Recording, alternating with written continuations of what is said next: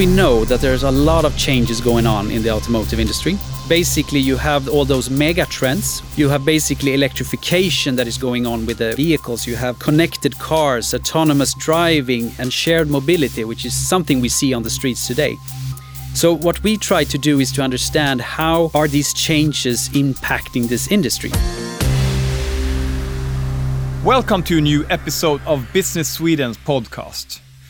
This podcast is about how Swedish companies can grow their international revenue and also how international companies can find a new home in Sweden. And today we're going to talk about the automotive industry.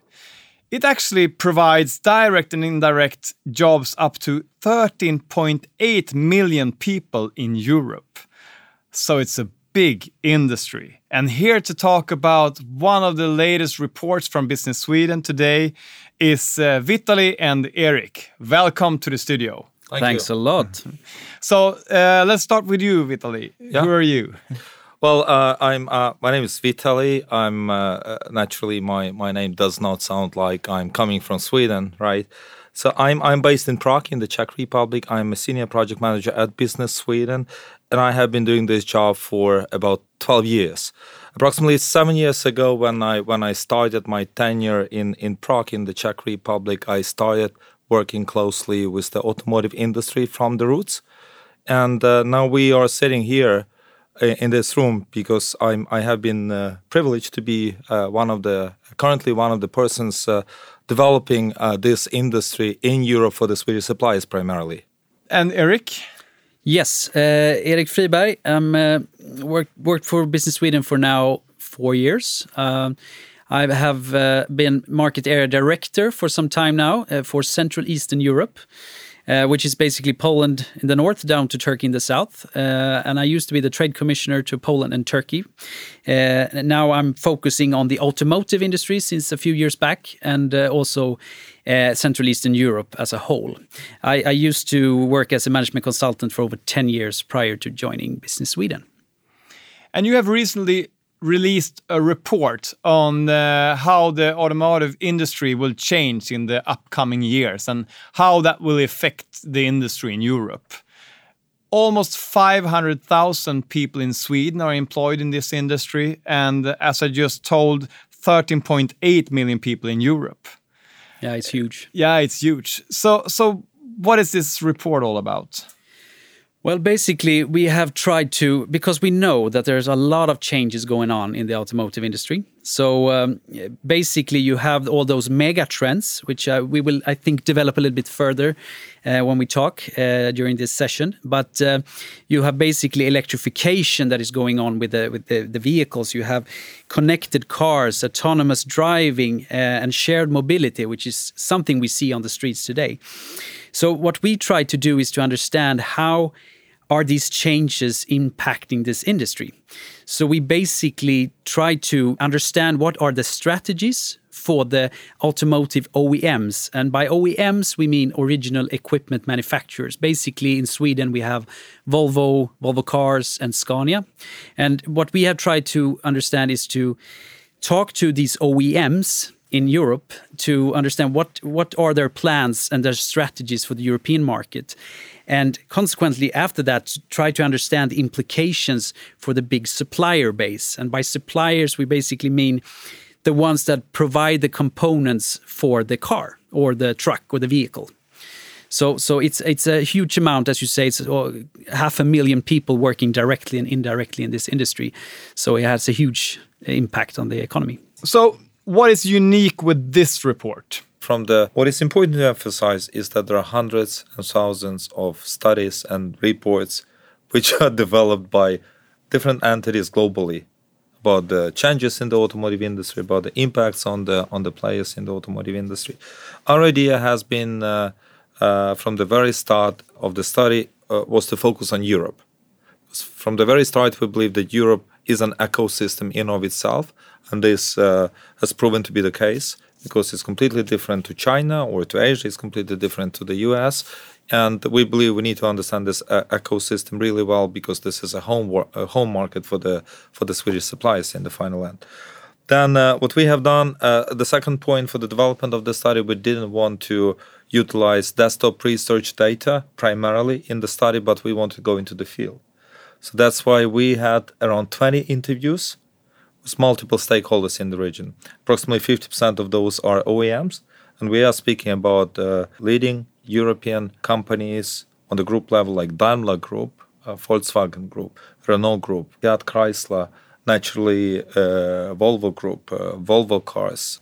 Then we had personal meetings uh, in Brussels with the European Association of uh, Automobile or Automotive Manufacturers, European Association of Suppliers, then uh, people who are directly involved into the development of the regulations, etc.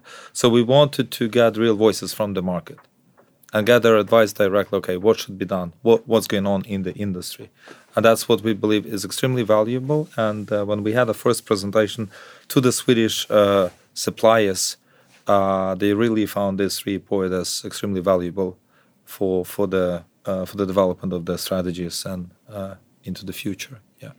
I mean, in a report like this, it must be a lot of fact and figures. I would say this study is absolutely swamped by numbers, but there are some numbers that are worth mentioning. And um, well, there is close to 14 million people actually uh, working in this industry in Europe uh, or in EU alone. And that's actually 6.1% of the total EU employment. So it's a huge number and, of course, crucial for the economy.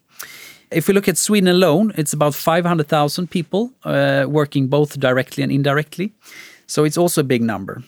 If we go back to the European numbers again, there is an expectation that actually 400,000 jobs will be lost or vanished uh, when it comes to uh, the fading out of internal combustion engine vehicles. Uh, and that's a huge number, of course. Uh, and it's uh, equivalent number 400,000 also because of automation in this industry. Uh, it's a lot of things that are going to be automated. This doesn't mean that all these jobs will vanish and nothing new will come. On the contrary, of course, uh, this industry will grow. So there will be a lot of new jobs as well connected to, let's say, shared mobility, connectivity, and other services as well. So, so it will grow also. Uh, but the net effect is probably a minus actually when it comes to manufacturing related jobs. Yeah, uh, we mentioned in our discussion today is that the global automotive industry value is expected to double by 2030. And uh, to give some numbers to this fact is that currently the value of the global automotive industry is uh, 3.6 trillion euro. It is supposed to be approximately 7 trillion euro, and 50% of that value will be taken from the service-oriented value chains. For example, shared mobility services will comprise approximately 2 trillion euro uh, Uh, aftermarket uh, will bring 1.3 trillion uh, euro approximately. Uh, then uh, decarbonization or the shift to the electric vehicles. we have mentioned that this is a big trend. To give some numbers to this trend for the European market, approximately 67% of all the new cars which will be sold in Europe by 2040 will be electric, purely and fully electric. And uh, currently, Europe experiences a huge infrastructure problem in terms of supplying a uh, sufficient number of charging points for the electric cars which are supposed to be introduced to the markets. What we currently have is that around 76% of all the charging points are currently concentrated just in four European countries.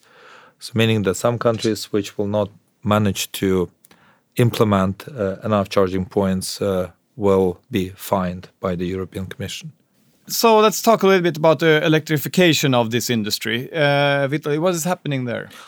Well, basically, we are speaking about CO2 emissions reductions in Europe. And naturally, there is a technology in place that the car is supposed to be battery driven. So this is on the technology from the technology point of view. And what is important that a couple of years ago the European Commission decided as a response to, to the Paris uh, climate agreement to impose the new regu- uh, CO2 emission reduction regulations, uh, which mean the following that by 2030, the new cars uh, should cut uh, CO2 emissions by 37.5% for the, for the cars, then 31% for the vans, and 30% for the, uh, for the, for the heavy duty vehicles. So, if you're this, if you're working in a company with an old technology, that will actually you know have a huge impact on the chance that you will have to be an, a supplier in the future. Yeah, exactly. Definitely. So literally, uh, there will not be, or there will be less diesel cars. There will be less uh, uh, petrol cars. Petrol cars. And the only question to meet, uh, the only answer to meet those regulations is to basically go electric or to use alternative fuels and that's something uh, that the something that the OEMs are trying to pursue now in Europe to come up with the new technology. And many OEMs, basically, most of the cars which they will produce in say five, ten years time, those will be electric cars or alternative fuel driven cars. So that's the big change which is currently taking place in the industry. So the other trend you were talking about was shared mobility. What's that? Eric? Well, shared mobility is basically something we already see on the streets today that we instead of everyone owning their own car or yeah basically for the passenger cars only this it's not related to trucks really. But for passenger cars it's that you it, you have cars on the street and you basically rent it and pay per per use. And this is something that is growing quite substantially uh, on a global basis. Uh, and also in Sweden we have several players in the field already. And that is something that is expected to grow substantially in the coming years and related to that, obviously, connectivity is a big thing that is happening Vitali. Uh, exactly, you're totally right. And what we want to point out is that when we are speaking about decarbonization, about electric cars, this is uh, this is uh, definitely an, an, extremely disruptive technology. When we are speaking about connectivity, uh, this uh, trend has taken more of a gradual step for development because we started getting some connected or embedded function back 10, 15 years ago and we are speaking about two levels. One level is a product in of itself, when you have some sort of a software in the car, and then you use that software in order to connect different functions, to monitor the performance of the car, etc. So this is on the product level. Then you have the service level of the connectivity part, and this is something which is coming. This is a huge market which is coming from the for, for the OEMs is that basically you can resell services by using specific connectivity functions installed in the car.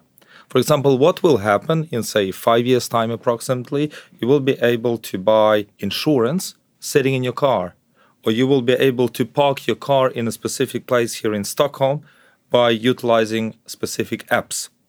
So, if we are speaking about the automotive industry, currently in Europe, the value of that industry is approximately 1 100 billion euro. The research, which has been mentioned by the European Supplier Association, is that uh, each consumer is ready to pay approximately 5 to 7 euro per month on the connectivity services. And it means that that market will grow by approximately 35 billion euro. So the OEMs, if they manage the data, they will be able to get directly 40% of the business on top of what they currently have. So that's the whole connectivity sort of uh, uh, world of the business. This is obviously a lot of opportunities for companies all over Europe in the technology industry, in the technology sector.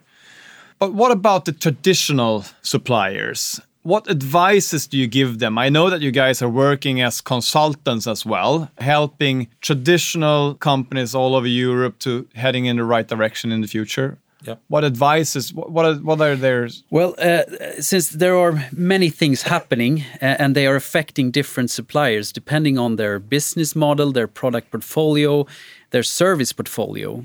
So, so it, it, it, really depends. But what we can say is, I mean, Vitaly just talked about uh, electrification, and that will have an impact on the on the traditional sort of ICEV, internal combustion engine vehicles, basically diesel and petrol engines, and. Uh, for those companies, the suppliers who are working and providing to, for the OEMs, they will be very much affected. And what we sort of suggest is to look into their pro product portfolio, look into new partnerships, and, and, and look over their business model really.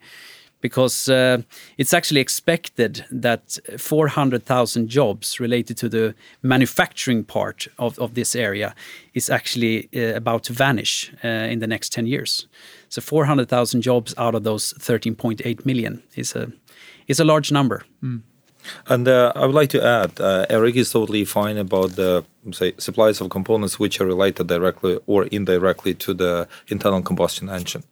But then we have traditional suppliers, which, for example, used to produce uh, classic uh, plastic components like bumpers or some interior components for the cars. So these uh, uh, supplies are affected, of course, but they are in a much better position because most probably they will need to adjust the interior of the car, for example, but the technology will be utilized the same, more or less. So there are, as Eric has mentioned, there are several layers or groups of suppliers which are affected in different terms. And certainly we know who those suppliers are. And from our side, as Business Sweden, we, we will be able to give advice on the level of impact those suppliers will have negative or positive depending on their current operations. So, what kind of competence do we need in the future in the automotive industry? As in everything else, when it comes to the automotive industry, it's also going through a rapid change. So, um, uh, for, for the OEMs and the suppliers, there's always been a big need for mechanical engineers. But what we see now is the trend that there is a big and even huge demand for software engineers. The problem is that currently, I think it's 11 to 1 in terms of the ratio. So there is a lot of supply when it comes to mechanical engineers but there is a shortage when it comes to um, software engineers, and that's, that's, a big problem, especially since we've been talking about connectivity trends uh, and and you know shared mobility and all that the digitalization part. This is growing, and this is the way the business actually will grow. And then, uh, of course, that kind of competence is uh, in big demand at the moment. So one of the things that you also write about in the report is autonomous driving. That was obviously effect. Is it is it happening or when is that going to happen? It is happening, even though it's probably one of the it's probably the mega trend that is the less the least mature at the moment. So you have different levels of autonomous driving. We are still uh, in in a quite uh, immature level, even though there are the technology is there for for a more uh, advanced sort of technology or level, uh, but to be able to put that out in the streets, there are too many obstacles and risks because of safety, insurance, data protection, who to blame in terms of a crash, and so on. So the technology is in a way there, but you cannot put it out there in the society. Exactly, and. Uh autonomous driving is in place, but currently it's called driver assistance, for example, yeah. or partial assistance. Uh, and this is one of the levels, as Eric has mentioned, of automation. So also important to mention that's, that's that autonomous driving, fully autonomous driving is in place, uh, but it's in a different segment. I mean, when we're speaking about trucks, for example, when we are speaking about the closed environment, like mines, we know that Volvo uh, trucks we know that Scania they currently have products which are utilized and are being tested in the closed environments in the mines. Yeah, mines which are fully ports as well. ports which are fully automated. So this is not uh, this is a reality now, fortunately. But uh, many people care about mixed driving because of course you can put autonomous cars on the streets. But then you have uh, also real drivers. That's a little bit tricky because there you directly uh, deploy the human error part of the issue. Yeah. So, writing this report, you've been traveling throughout Europe, meeting those big car manufacturers. Any other things that you have realized when you're traveling around there, Vitali? Uh, that Europe is big. no, uh, uh, definitely. Uh, and th th this is something which we felt is that Europe is, in fact, a unity. This is, say, one continent. This is something which has been mentioned by many people we have met that there should be more collaboration between different institutions in Europe, between different OEMs in Europe. That is something which is happening. That is something which should, which should be incentivized by the Europe, European Commission, for example. Then what we also realize that despite of a lot of talk in globally about competitiveness, uh, European OEMs are extremely competitive from, from the R&D and technology point of view. That's why many Asian players, when they enter the European market, they make the uh, footprint primarily through acquiring R&D or technology capabilities of the European companies, because that's what Europe is uh, strong at. I mean, from my point of view, you know, I'm not in this industry, but I've always thought that you know European companies was really good at building the brands, and then obviously building really exclusive cars. But then in the mid and lower segments, other competitors were stronger. Is that the same thing today, or does technology close that gap?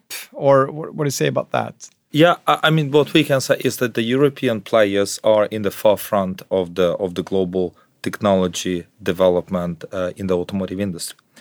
Uh, the only issue is that it's not about technology anymore, because it's not about the car as a product anymore, because uh, there will be less platforms. Currently, what we have, for example, uh, Volkswagen Group, they have a number of platforms. Then Ford uh, has a number of platforms. So instead of 100 platforms which currently exist on the market, there well, will be maybe five. And the main competitive advantage for the for the car manufacturers like Volvo Cars or Renault Group uh, will not be a product in of itself, but will be services on how much they will be able to create and resell the services. So, and this is a huge paradigm shift. So yes, the European players are good enough. They are in many categories are in the forefront of the technology in of itself, but they are looking ahead. And what they see ahead is not something which makes makes them competitive now. So that's a big difference. So, what about uh, the status from owning a specific car? I mean, for 100 years, it's been one of the important status factors to have a specific car, or, or you know, for many people. Will that disappear? Or what do you think about that? Yeah, I mean, uh, I, I, guess it depends on which culture you're in. In some cultures, I would say it's it's uh, still very important to own your own car. But if we look at uh, the nord northern part of Europe and, and most part of Europe's of Europe, I would say that it's getting less important, uh, and and that's also in parallel with the numbers that we see that the the, the level of shared mobility uh, that will grow substantially in the coming years. So so I would say no, that that will fade out. Yeah, and this is the answer of uh, many OEMs with regards to the strat to the strategy that they plan to pursue in the future. So some OEMs, uh, which we have interviewed, are really bold by saying we go electric, we switch to shared mobility services, and some of the OEMs say that no, we want to run mixed strategies. Because we have uh, the group of consumers which used to drive a 3.0 diesel engine uh, during the last 10 years and they will keep on driving during the, the, next 25 years and they don't care about the climate change really. Uh, they used to own the car they will keep on owning car. From the say culture perspective for us this is not right.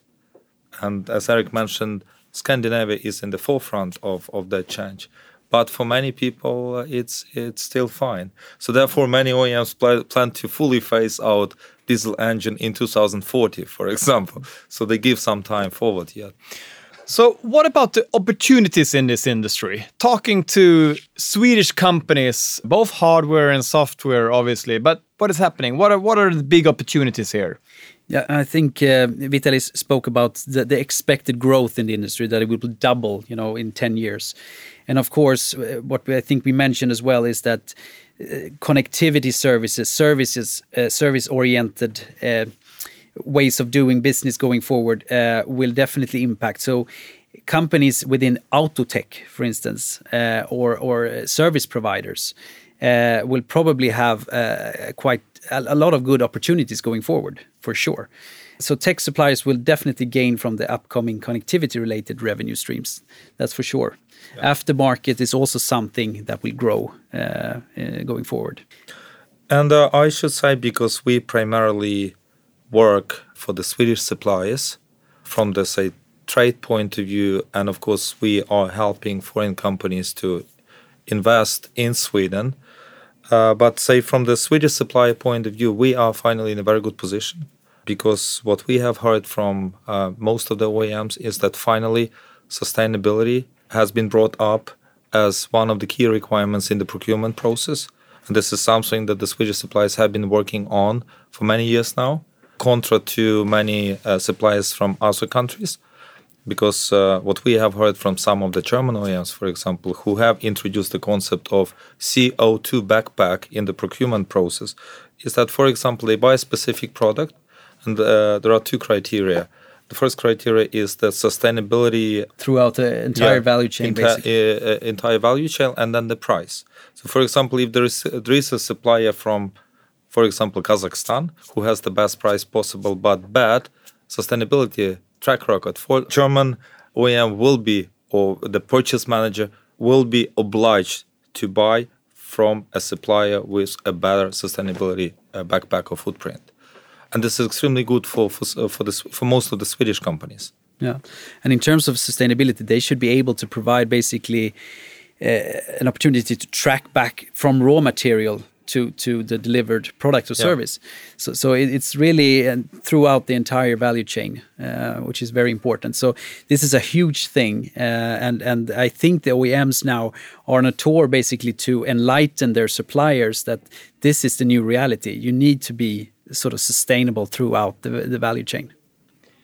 So another thing that Swedish companies are known to be good at is collaboration. And we have another episode in this podcast series uh, that we talk about the Mobility X Lab in Gothenburg, where big companies and small companies are collaborating. Have you seen some of those trends as well when you do writing the report? Uh, yeah, definitely. Uh, first and foremost, collaboration. As we have been, as it has been mentioned by a number of people we have interviewed, is the uh, way into the future. It's not about mergers and acquisitions primarily.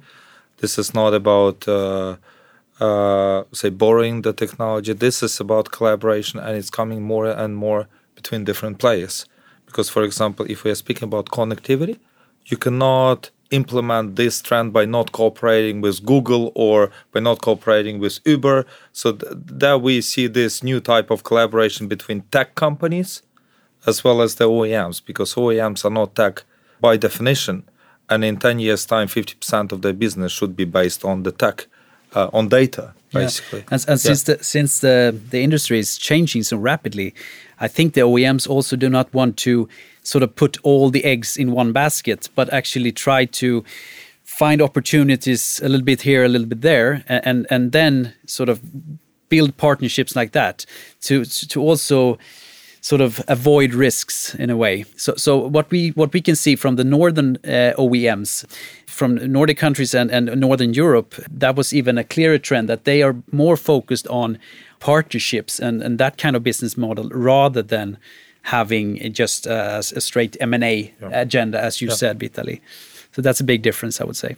Exactly. And, And, and, and, and- sorry, and the, and the collaborations. I mean, they are happening uh, everywhere. Mobility X Lab is a very interesting uh, case, but you also have uh, what we call the triple helix uh, model, which you cooperate between academia, the universities, but also the government, and uh, and of course uh, the, the the players in the industry, that the suppliers and the and the OEMs. So it's happening between each other and with new sort of players in the field. So it's a lot of interesting partnerships going on all over Europe and, and globally actually. And do you think Sweden is ahead in parts of collaboration, or do you think is is it happening all over the world? It's probably happening all over the world, but what we saw sort of from from the output from our uh, interviews, we could see that to, a larger extent the, the the Swedish companies actually try to pursue that model a little bit more than just uh, the M&A sort of. So so yeah, I would say it's it's quite Yeah. typical for Sweden. And we can actually comment on real examples because since the time we started developing this study, we have seen, I should say, two, three delegations from the key automotive uh, markets in Europe coming primarily to Göteborg to see how this uh, startup ecosystem works in Sweden. As Eric has mentioned rightly, triple helix model. Uh, so we have had a delegation from uh, Italy, actually several delegations. They, they exactly came to have a look on how it works. Uh, then we had a delegation from from the UK.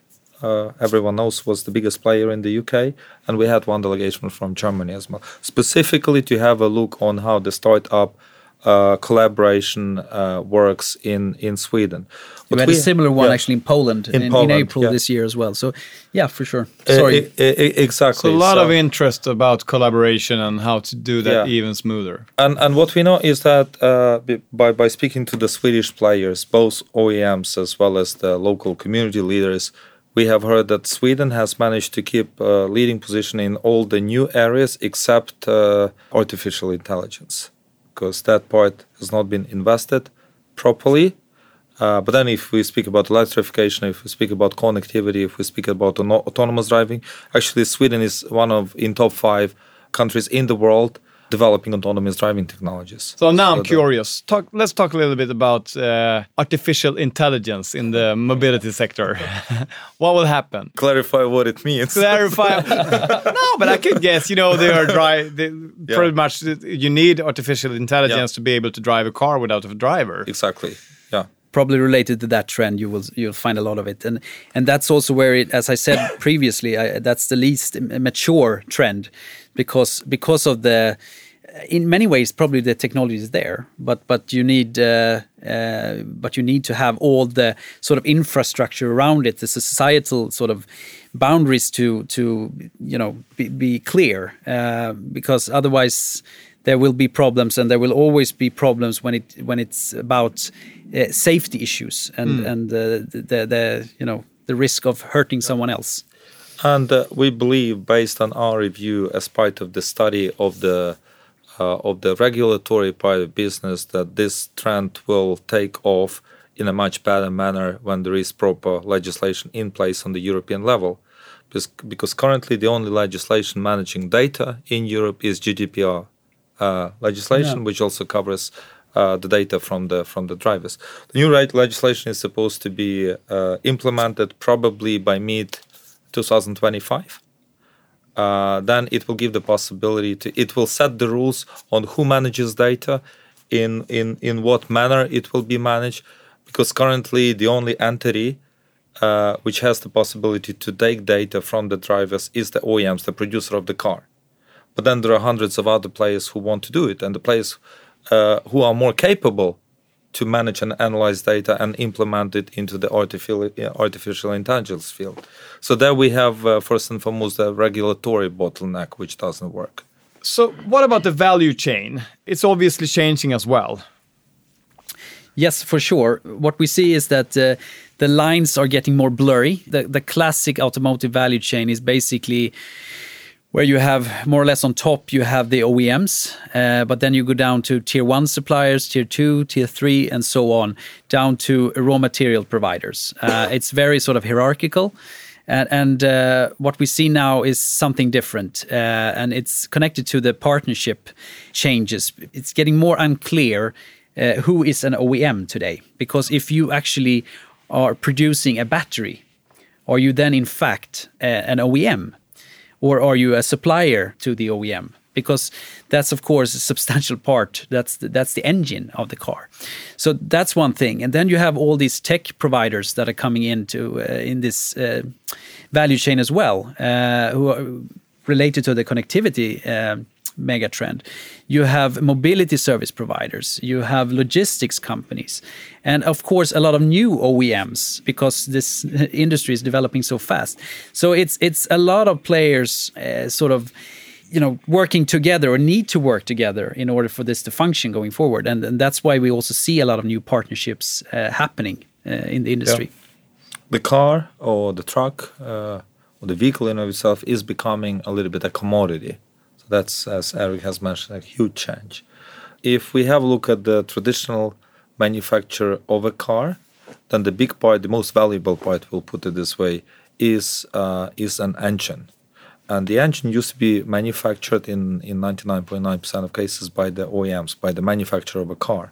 What's happening now, the most expensive part and most valuable part of the car will be a battery pack. And the battery pack is not manufactured by the car producer anymore. So that's a huge shift. That, that the main component of the car is manufactured by the tier one supplier. So that's that's important. Then So, very- so when you're looking for a new car, a new brand, you might looking for what kind of battery is it instead of Yeah. what kind of brand is it on the car. it's uh, yeah Could it- be that. yeah could be that and and uh, what kind of services are connected to the to the package i- i- i- in a way we, we had a case for example because a very interesting story. Everyone knows the company dhl uh, dhl was looking for this new supplier of the trucks to deliver post uh, all around the globe. And they did not find the technology or the conditions they wanted to find. So what they said okay we will produce our own truck. So that's uh, that's the kind of example we face. Or, for example, Jaguar uh, wanted to produce an electric car, could not have done it by itself, so it it has decided to outsource uh, fully to Magna, the tier one supplier. So we see this huge change of the roles in the in the model, and uh, any supplier, any manufacturer of the car or vehicle we are speaking to is moving into the services, shared mobility services, logistics services, also services, insurance resale models, etc. So this paradigm it's not vertical anymore. So thank you, Eric and Vitali, for being here in the studio today. It seems like you guys are very optimistic about the future in this industry. Yeah, for sure. We are very optimistic, and it's a really exciting time we're living in right now when it comes to this industry. So, uh, we really look forward to what's going to happen in, in, the coming years for sure. And we just want to say thank you as well for having us. It was a pleasure to be here. Thank you. Very interesting discussion, and we are indeed very optimistic. This report is obviously downloadable at the Business Sweden website. And don't forget to follow us on social media.